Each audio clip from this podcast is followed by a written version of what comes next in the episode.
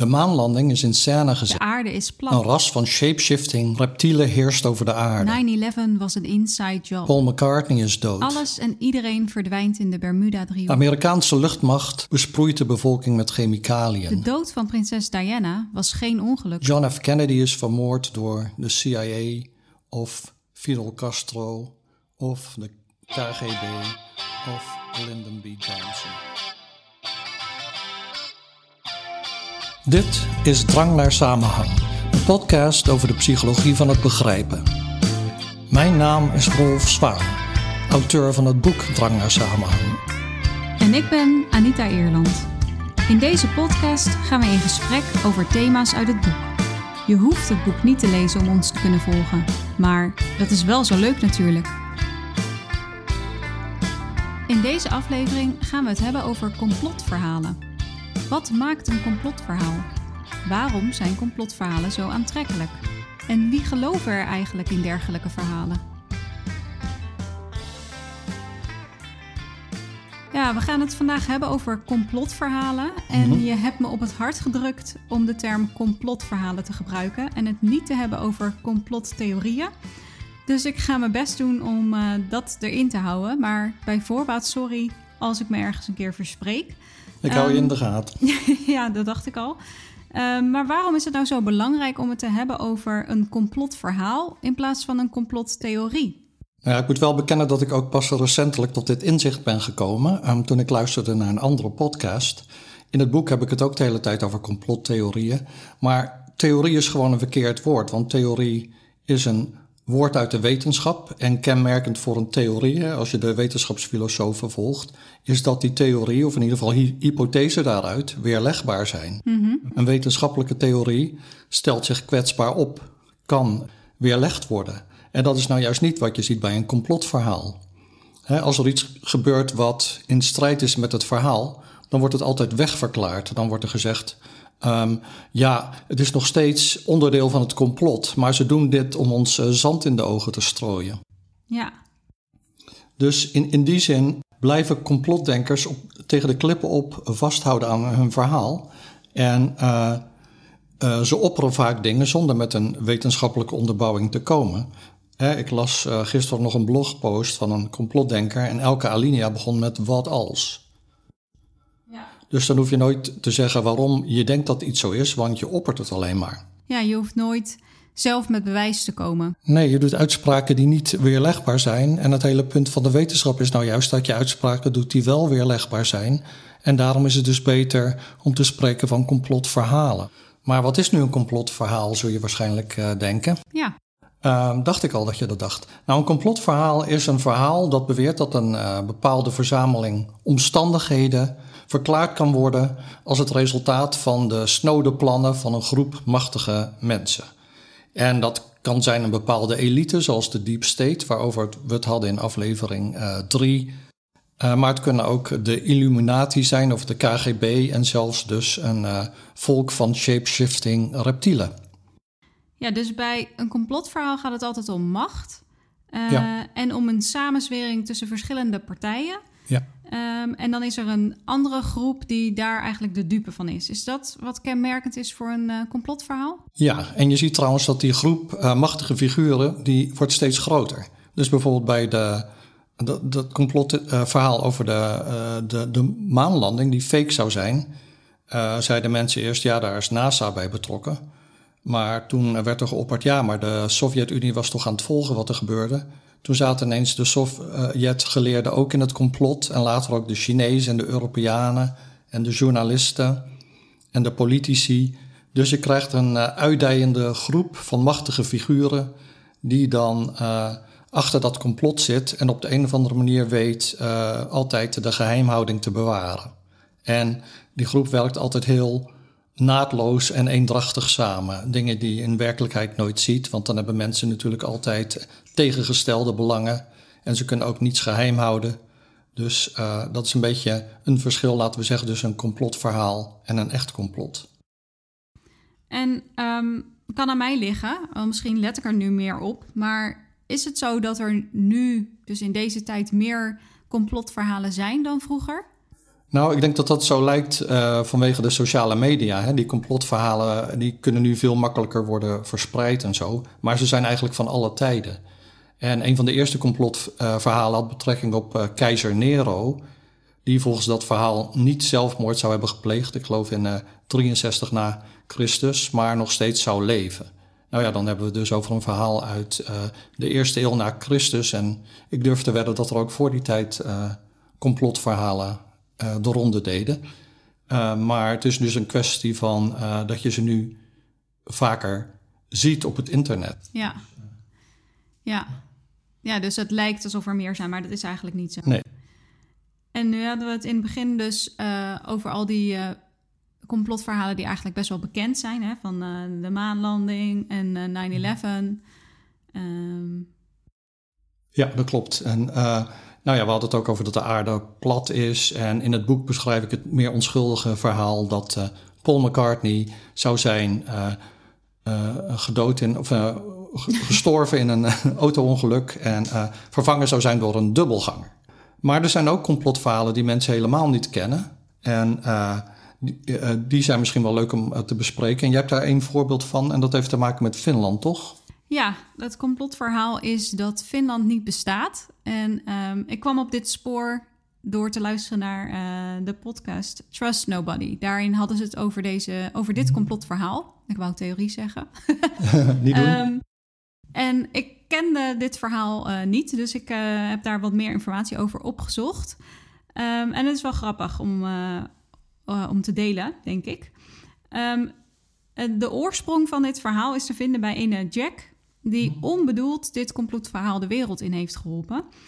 Um, hij zou uh, van zijn ouders hebben gehoord toen hij acht of negen jaar oud was dat Finland niet zou bestaan. Of mhm. dat is in ieder geval zijn herinnering. Misschien hebben zijn ouders iets anders gezegd en heeft hij dit daaruit opgemaakt. en hij uh, zat toen op een later, dus niet toen hij acht of negen was, maar veel ouder, uh, zat hij op Reddit, zo'n internetforum. En daar werd de vraag gesteld: wat is het gekste dat je ouders, of wat je van je ouders hebt geleerd? En toen heeft hij dat van Finland erop gezet. Van ja, nou ja, ik heb geleerd van mijn ouders dat Finland niet bestaat. Um, terwijl hij dat zelf eigenlijk helemaal niet gelooft. En zijn ouders ook niet. Dus het was gewoon een reactie op die vraag. En um, toen zijn andere mensen op dat forum met dat idee aan de haal gegaan. En zo is dus dat hele complotverhaal uh, ontstaan. Wat grappig. Ja. Wat, wat is dan uh, het idee achter uh, dit complotverhaal? Dat is dat um, Rusland en Japan samen zouden hebben afgesproken om Finland te verzinnen. Dus op de plek waar wij denken dat Finland ligt, ja. is helemaal geen land. daar is alleen maar zee. En um, het idee is dat het is eigenlijk een, een Japanse viskolonie. Dus Japan kan in die zee gaan vissen uh, om de tekorten die zijn ontstaan in de eigen wateren uh, op te vullen. Ja. Um, en um, nou ja, als mensen niet weten dat die zee daar is, omdat mensen denken dat daar een land ligt, ja, dan zijn er ook geen regels waar je aan hoeft te houden als je gaat vissen. En dat is natuurlijk dan wel uh, fijn. Um, Oké, okay, dus Japan haalt die uh, vis daar uit de zee. Dan gaat het complot nog uh, wat verder, want je moet best wel een complex verhaal natuurlijk uh, bedenken. Die verse vis, die dan gevangen is door Japan, wordt dan verpakt als Nokia-pakketjes via de Trans-Siberië Express naar Japan geëxporteerd. Um, en het bewijs daarvoor is dat Nokia het grootste bedrijf is in Finland. Ja. En dat Japan de grootste importeur is van Nokia-producten. Terwijl, heb jij wel zo'n Japanner met een Nokia gezien? Uh, nou, dat weet ik niet eigenlijk, want ik, uh, ik, zie niet zoveel Japanners en ik let dan niet op wat voor telefoons ze hebben. Nee, nou, er zijn kennelijk heel weinig Japanners met een Nokia-telefoon, dus dat is echt super verdacht. Ja. Maar wacht even, hoe zit het dan met de Finnen zelf? Ik bedoel, uh, de mensen die in Finland wonen, bestaan die dan ook niet? Ik, ik ben zelf in Finland geweest. Ik, uh, of heb ik dat allemaal bij elkaar gefantaseerd? Nee, um, nou die Finnen die bestaan wel. Um, en die geloven zelf ook dat ze in Finland wonen.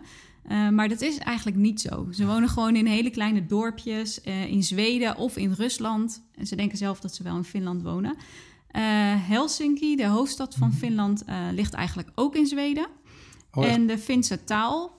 Ehm, jij dacht waarschijnlijk dat dat echt was daar op de Ja. receptie, maar dat is eigenlijk gewoon een Japans dialect. Oké, hmm, het klinkt toch heel anders. Maar goed, maar het gekste vind ik nog wel... Nou ja, eigenlijk ten eerste van... eh, als de Japanners daar vissen... dan hebben ze zeker niet de Japanse vlag. Eh, die voeren ze niet, die, die schepen. Ten tweede, natuurlijk, de elephant in the room. Waarom zou Rusland hier aan meewerken? Ik geloof niet dat Rusland ooit iets doet... wat niet in zijn eigen belang is. Dus eh, nou ja, dat is een goede vraag.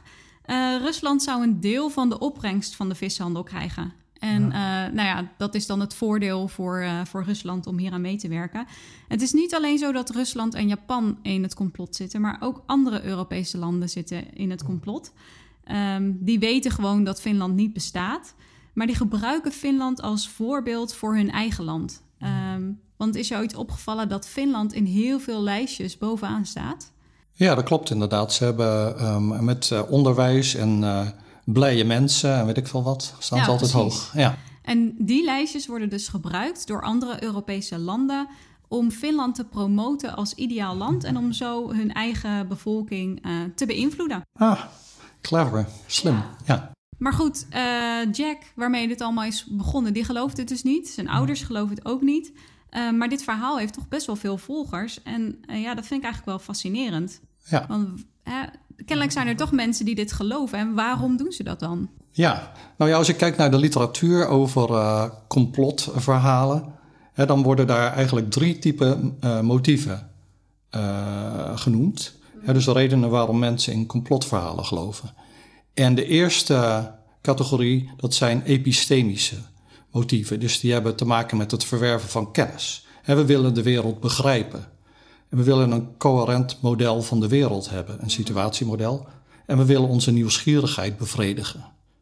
En we willen ook onze overtuigingen die wij hebben, bijvoorbeeld, eh, laten we zeggen, eh, vaccineren ver- veroorzaakt autisme of wat dan ook, die willen we beschermen. En zo'n complotverhaal helpt ons om onze overtuigingen te beschermen. Dus dat zijn epistemische motieven en daar gaat het ook veel over in het boek Drang naar Samenhang natuurlijk. Ehm, maar daarnaast zijn er ook ex- existentiële motieven die in de literatuur genoemd worden. En die hebben te maken met eh, meer met emoties. We voelen ons onzeker, eh, angstig, als we dingen niet kunnen verklaren. Dus een complotverhaal vult die eh, leemte, zeg maar. En we willen namelijk graag voelen dat we in controle zijn. En zo'n complotverhaal geeft een vals gevoel van controle. Ja, Eigenlijk ben je helemaal niet in controle, maar het voelt wel zo. Eh, en dan de derde categorie motieven, dat zijn sociale motieven. En je wil graag bij een groep horen. En eh, je wil een positief beeld hebben van jezelf en van je groep. En eh, als je zoiets opbouwt, dan heb je ook de mogelijkheid om, om problemen of dingen die, die tegenslagen te verklaren. Want die zijn namelijk de schuld van de mensen die niet in jouw groep zitten. En is dan het feit dat jij die kan verklaren, is dat dan het positieve? Dus dat je daardoor positief over jezelf kunt gaan denken. Ja, nou ja, in- maar in dat complotverhaal komt jouw groep er ook altijd positief uit. Of ze zijn het slachtoffer, hè, ze zijn eigenlijk, eh, laten we zeggen, moreel hoogstaand, maar ze zijn het slachtoffer van die andere groep. Ja, of ze zijn dus de slimpies die het ontdekt hebben. Ja, ja dat ook. Dat, eh, dat denken ze ook. En eh, in werkelijk, werkelijkheid blijkt dat echte complotten, die worden altijd eh, ontdekt door journalisten of wetenschappers, maar niet door complotdenkers. Maar eh, dit even terzijde. Ik eh, kwam in een recente paper nog een vierde motief tegen. En dat vond ik eigenlijk heel interessant. Mijn eigen boek was net uit. Samenhang lag net in de winkel. Toen kwam ik dit artikel tegen, maar eigenlijk had het heel goed gepast. Want in dat artikel zeggen ze een vierde reden dat complotverhalen, eh, dat mensen daarin geloven, is dat ze amu- amusementswaarde hebben. Mensen vinden die verhalen interessant en leuk. En eh, dit idee wordt eh, geopperd in een paper van, door Jan-Willem van Prooijen van de Vrije Universiteit Amsterdam. En met een aantal collega's, Jolien Lichthart, Sabine Rozema en Yang Tzu. Wij werken op dit moment natuurlijk samen met Jan Willem eh, aan een aantal projecten, eh, ook over complotverhalen. En daar gaan we het in de toekomst nog wel over hebben. Maar goed, in deze studie hebben ze dus verschillende experimenten uitgevoerd om eh, dus dat idee te testen dat mensen complotverhalen aantrekkelijk vinden uh, vanwege de amusementswaarde. Ja. En ik ga niet in op alle details. Ze hebben iets van vijf experimenten gedaan. Maar het komt erop neer dat ze steeds uh, of mensen een verhaal lieten lezen. En één versie was dan een niet-complotversie. De andere was een complotversie. Dus bijvoorbeeld, ze hadden de, de brand, de recente brand in de Notre Dame hadden ze genomen. En dan hadden ze dus in één versie uh, dat beschreven als het resultaat van een complot en in de andere niet. En mensen vonden die complotversie dan leuker, interessanter enzovoort. Ja, ik, ik kan dat op zich wel begrijpen, want het zijn gewoon, het zijn, er worden interessante links gelegd. Uh, je wordt aan het denken gezet en het, ja, ik vind dat ook dat Finland-verhaal vind ik eigenlijk super leuk om te lezen hoe mensen ja. verklaringen uh, hoe mensen bepaalde dingen proberen te verklaren en daar ook dan bewijs voor proberen te vinden. Ja, precies. Ja, ik vind dat inderdaad wel amusement. Het, ja, nou ja, en dat is er dus ook deels. En we hadden natuurlijk in aflevering 3 hadden we het over uh, uh, dat wij het ook voor ons plezier samenhang willen ontdekken in dingen. Hè? We hadden het over legpuzzels en cryptogrammen. En ook uh, detective romans is natuurlijk, zijn een voorbeeld. En de tv-show Wie is de Mol? He, dan heb je het echt over amusement en samenhang ontdekken. Ja, het is weer tijd voor uh, Onbegrip van de Week. Vaste onderdeel in deze podcast. Joehoe. Uh, en ik heb, uh, ja, ik heb weer iets verzonnen. Nou ja, niet verzonnen. verzonnen. Ik ben weer iets tegengekomen. en het is iets waar, wat ik eigenlijk al een tijd geleden ben tegengekomen... maar waar ik recent weer aan werd herinnerd. En dat is uh, de onduidelijkheid van sommige recepten. Ja. Ik heb al best wel vaak gehad dat ik een uh, recept volgde. En dan, ja, gewoon stapje voor stapje. En dan uh, ben je bijna aan het einde en het staat er ineens... Um, doe nu de gekookte rijst erbij. Ja, die ken ik. En dan denk ik, ja, shit. Ik heb helemaal geen pan met water opstaan. Ik heb nog geen rijst gekookt. En dan staat, dus ik vind het heel raar dat er dan niet bovenaan in het recept staat... dat je daarmee moet beginnen. Of dat er, uh, dat er niet staat dat je de oven alvast aan moet doen of zo, weet je wel. Dus dan heb je je schotel klaar en dan staat doe het nu in de oven, voorverwarmde oven of, of 200 graden. En dan denk ik, ja, dat duurt dus nog, nu nog een kwartier. Ja. Um, en ik heb ook wel eens een keer gehad dat ik, uh, nou ja, ging een toetje maken. En dan had ik alle ingrediënten alvast in bakjes klaarstaan. En dan was ik klaar met dat recept en toen was er nog een bakje over. Dus toen dacht ik, Ah, dat, dit stond dus wel op de ingrediëntenlijst. was een bepaald soort suiker, geloof ik. Maar er stond dat er ingrediënt kwam helemaal niet meer terug in de beschrijving van het recept. Oh, dat is grappig. Ja. Weet je wat? Um, ik denk dat het wel te verklaren is uh, hoe, hoe, dit komt. Ik heb het dus zelf ook een paar keer gehad. Um, het komt denk ik omdat degene die het recept schrijft een ander perspectief heeft dan degene die het leest. Dus degene die het schrijft, die denkt, ja, iedereen weet toch dat je de oven aan moet zetten, moet voorverwarmen. En iedereen weet toch dat je de rijst moet koken. Dus die gaat dat niet helemaal uh, uitleggen. Maar als iemand die aan het koken is, volg je gewoon de stappen in chronologische volgorde op. Dus als er dan staat de gekookte rijst, dan uh, is dat een eindstadium van de rijst, uh, wat nog niet bereikt is in, in jouw situatiemodel. Ja. Want in jouw situatiemodel wordt de rijst nu pas voor het eerst genoemd. Ja, en dan moet hij al klaar zijn, maar ik was er nog niet eens mee begonnen. Nee, dat is een, dus een soort mismatch tussen hoe de, um, de receptenschrijver het schrijft. Want die wil natuurlijk niet, uh, laten we zeggen, elk triviaal detail uh, tot in den treuren beschrijven. En de, en de persoon die aan het koken is, die, ja, die gewoon uh, in een pannetje aan het roeren is en dan kijkt wat moet ik nu doen enzovoort. En, ja. En het, het, deed me ook heel erg denken aan een, een opdracht die ik ooit op de middelbare school heb moeten doen bij Nederlands, verzonden door mevrouw Wagener-Olde, ik zal het nooit vergeten. We moesten allemaal een beschrijving maken van een kip. Hoe je die met papier uh, moest maken. En dan moest je jouw instructie geven aan degene naast jou. En die moest dan precies die instructie volgen. Ja. Nou, en toen kregen we een, uh, uh, een rare kippen, moet ik zeggen. Maar dat was, dat was een hele leuke en goede demonstratie van hoe ja. het belangrijk het is dat je zo zorgvuldig mogelijk formuleert en dat je instructie zo compleet mogelijk is daar moest ik aan denken bij. Uh... Oh, grappig. Ja, ik heb er iets vergelijkbaars gedaan, uh, gewoon met studenten in, in, de VS. Die moesten dan um, hun appartement beschrijven, of hun uh, huis of kamer.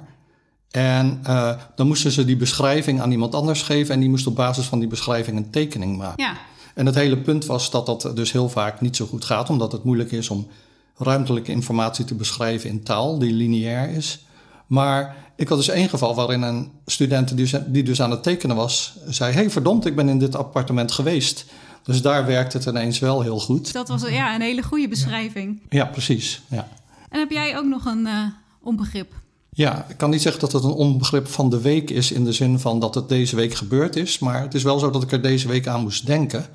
En ik had het op kunnen nemen in het boek als ik er op dat moment aan gedacht had. Het heeft namelijk uh, te maken met iets wat ik in hoofdstuk uh, eh, 10 beschrijf over causaliteit. Hoe begrijpen wij causaliteit? Hè? Wij overschatten hoe we dat doen. Dus bijvoorbeeld uh, als je mensen vraagt, weet jij hoe een slot werkt? Dan zeggen ze sleutel en een slot. Dan zeggen ze ja, dat weet ik. Maar als je ze het dan in detail laat beschrijven, dan beseffen ze ineens: hé, hey, ik begrijp er eigenlijk heel weinig van. Mhm. Ik begrijp dat als ik met de sleutel draai, dat dan het slot open gaat. Dat is min of meer wat ze begrijpen. Nou, ik had dus zoiets als kind. Uh, mijn ouders hadden me verteld dat, uh, dat papier van hout gemaakt was. En dat leek mij ontzettend onwaarschijnlijk. Ik was zes of zoiets. Maar goed, toen, had ik, um, toen dacht ik: oh, dan ga ik zelf papier maken. Dus toen had ik houtkrullen gemaakt, want mijn vader was altijd uh, gepakt. Mijn vader was altijd bezig met hout. Houtkrullen gepakt op zolder. En daar had ik, um, uh, ik geloof, nog wat karton bij gedaan. En toen had ik het in pakpapier verpakt en een touwtje erop omgedaan en uh, nou, op zolder gelegd. En uh, de volgende ochtend liep ik naar boven om mijn papier op te halen. Oh, wat schattig. ik was erg teleurgesteld dat het nog steeds uh, houtkrullen waren. Uh, maar dat is eigenlijk datzelfde idee dus, dat je... Je hebt het uh, beginproduct hout en het eindproduct papier. En dan komt zit natuurlijk van alles tussen. Maar als kind denk je dan dat dat magisch van het een en het ander verandert. Of. Als je dat maar een nachtje laat staan, dan, dan heb je papier. Ja, dus dat is mijn onbegrip van de week enkele decennia geleden. Nou, meer dan enkele decennia, maar goed. Ja, we hebben het in het eerste deel van deze aflevering gehad over wat complotverhalen zijn en waarom mensen daarin zouden geloven. we hebben verschillende motieven daarvoor besproken. Mm. Um, maar wat nog een interessante vraag is, uh, is wie geloven er eigenlijk in complotverhalen? Dus kun je een soort van profiel maken van de complotdenker? Mm. Um, nou, het korte antwoord daarop is nee. er wordt wel heel veel onderzoek naar gedaan. Um, maar de bevindingen zijn niet altijd uh, consistent. Dus dat maakt het lastig om zo'n profiel uh, op te stellen. Er zijn wel een paar dingen die eruit springen. En die hangen ook wel samen met, um, uh, nou, met een aantal dingen die we in het eerste deel hebben besproken. Um, zo ligt het voor de hand dat mensen die wantrouwend zijn, dat die eerder geneigd zijn om een complotverhaal te geloven. Um, en um, dan gaat het er niet alleen om dat mensen wantrouwend zijn naar bijvoorbeeld de overheid of um, andere instanties, maar ook wantrouwend naar uh, andere mensen toe. Dus bijvoorbeeld hun vrienden, hun buren en collega's. En dat noemen we interpersonal trust. Hmm. Dus mensen die um, weinig vertrouwen hebben in andere mensen, die wantrouwend zijn, zijn eerder geneigd om uh, uh, complotverhalen te geloven. en er wordt ook gezegd, ja, op zich is er niks mis mee als je een beetje wantrouwend bent naar andere mensen toe of naar instanties toe. Maar geloof in complotverhalen wordt gezien als een soort extreme versie daarvan. Dus als je daarin doorslaat ja. in je wantrouwen, dan ga je andere mensen en instanties ook meer in de gaten houden. Dan vallen je meer dingen op en daar kun je dan ook weer sneller uh, een complotverhaal van maken. Ja, klinkt plausibel. Ja, vond ik ook het is wel zo dat mensen die uh, de neiging hebben om complotverhalen te geloven, dat zijn vooral mensen die tegen een gangbare verklaring ergens voor zijn. Mm -hmm, dus ja. het, het zijn mensen die uh, bijvoorbeeld bij 9-11, die zijn tegen de verklaring waar uh, de regering mee komt en waar de meeste mensen het mee eens zijn. Ja. Um, meer dan dat ze voor hun eigen alternatieve verklaring mm. zijn. Dus het is meer zo dat ze ja, waarschijnlijk vanuit het wantrouwen denken... nou, ik weet niet precies hoe het zit... maar het zit niet zoals zij zeggen dat het zit. Contrarians heten die in het Engels, geloof ik. Uh, oh, dus ja. mensen die dan overal tegen zijn... of tegen iets zijn waar de meerderheid voor is of zo. Ja, dat zie je dus heel sterk. En um, dat ze dan zeggen, ik weet niet precies hoe het zit... maar het zit zeker niet zoals zij zeggen. Dat zie je ook terug in um, bevinding dat mensen die een bepaalde complot... Oh, een complotverhaal uh, Oei, geloven. bijna ging je de fout in. Ja, Ik had je bijna moeten bekeuren. ik heb het al een paar keer gehad. Dat mensen die een bepaald complotverhaal geloven, die zijn ook geneigd, eerder geneigd om andere complotverhalen ook te geloven. Ehm, en dat kunnen dan complotverhalen zijn die over iets heel anders gaat. Of dat ze complotverhalen geloven over hetzelfde. En dan kan het dus zelfs zo zijn dat mensen verschillende complotverhalen geloven die uh, haak staan op elkaar. Dus over hetzelfde onderwerp, maar die verschillende verklaringen geven. Ja, nou, nou heb ik daar wel uh, laatst een studie over gezien. Ik weet hem niet meer in detail, maar die trekt die conclusie in twijfel. Die denkt dat dat een. Die beargumenteert volgens mij dat dat een statistisch uh, artefact is. Dat er dus zo is dat je in tegengestelde complotverhalen kunt geloven. Maar goed, uh, dat moeten we misschien nog eens een keer nader uitzoeken. Nou ja, en dat is ook iets waar we in onze eigen studie naar hebben gekeken. Ja. Dus daar kunnen we, uh, denk ik, later dan nog wel op terugkomen. Ja. Um, en um, eerder heb jij ook genoemd uh, een gevoel van controle of gebrek aan controle. Dat ja. misschien een rol speelt. En dat lijkt inderdaad zo te zijn. Um, ik heb een, uh, een, samenvatting gelezen van een interessante studie van uh, Whitson en Galinsky. Waarbij proefpersonen een kort essay moesten schrijven. En dat moest gaan over een periode uit hun leven waarin ze veel controle hadden ervaren, of juist niet. Uh, met het idee van dan, dan primen we dat gevoel van controle bij mensen, of juist het gebrek daaraan. En daarna moesten die proefpersonen allerlei andere taken uitvoeren. En um, nou, wat deze onderzoekers vonden, was dat um, mensen die.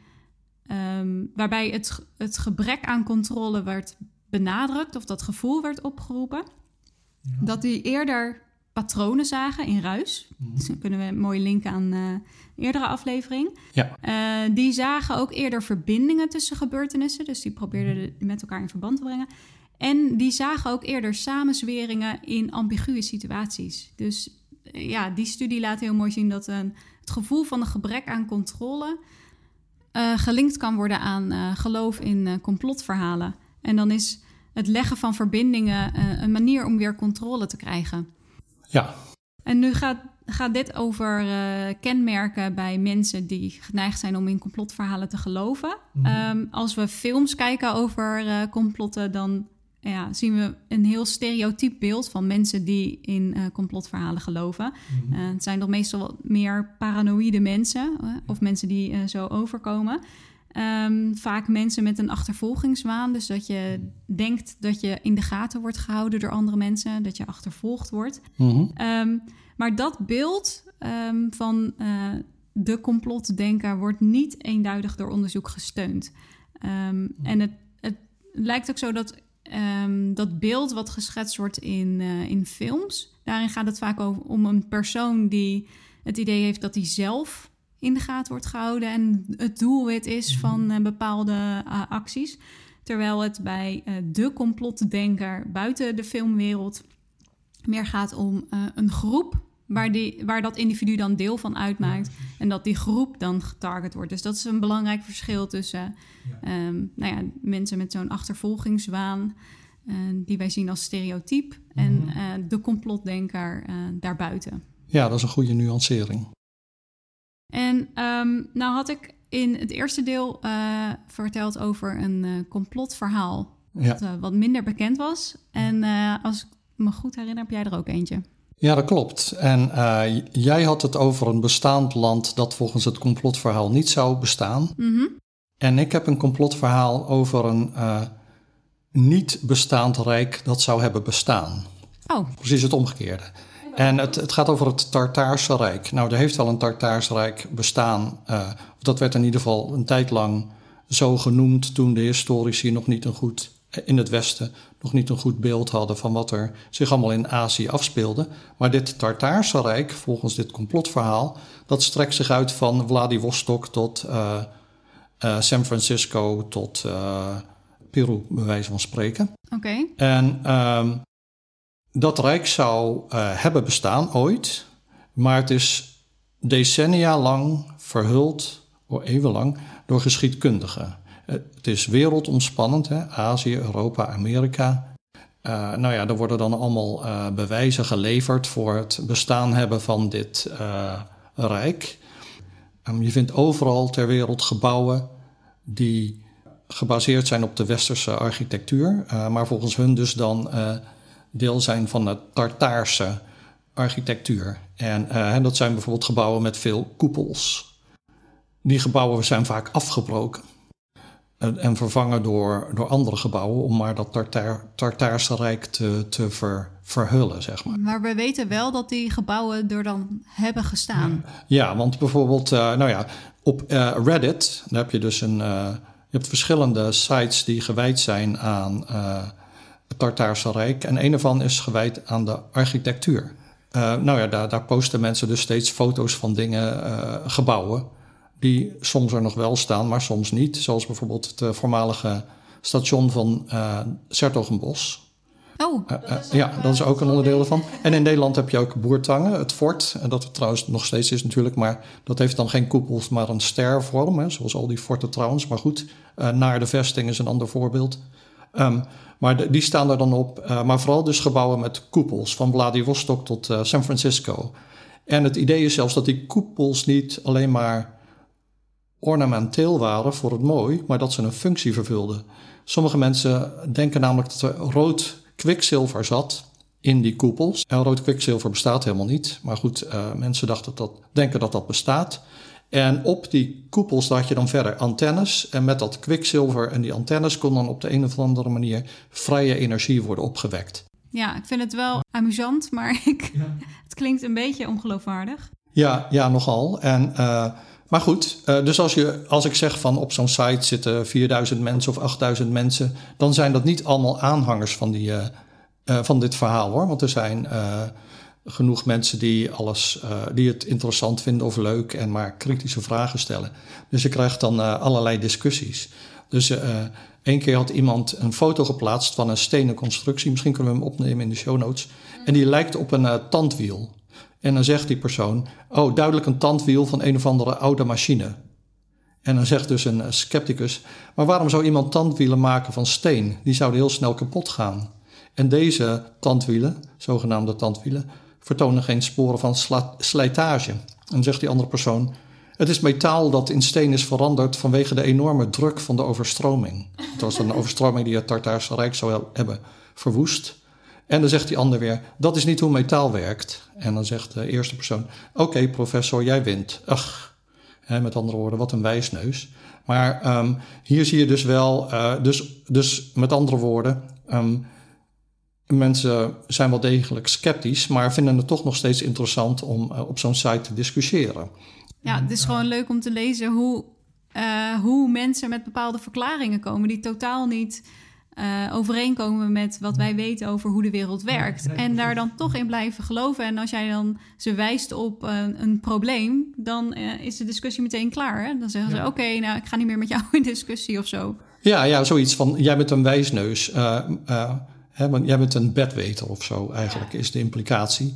Terwijl ja, ik bedoel, om kennis te vergaren moet je dingen lezen, uh, opleidingen gevolgd hebben. Je kunt niet zomaar uh, wat bij elkaar fantaseren, maar dat denken sommige mensen wel.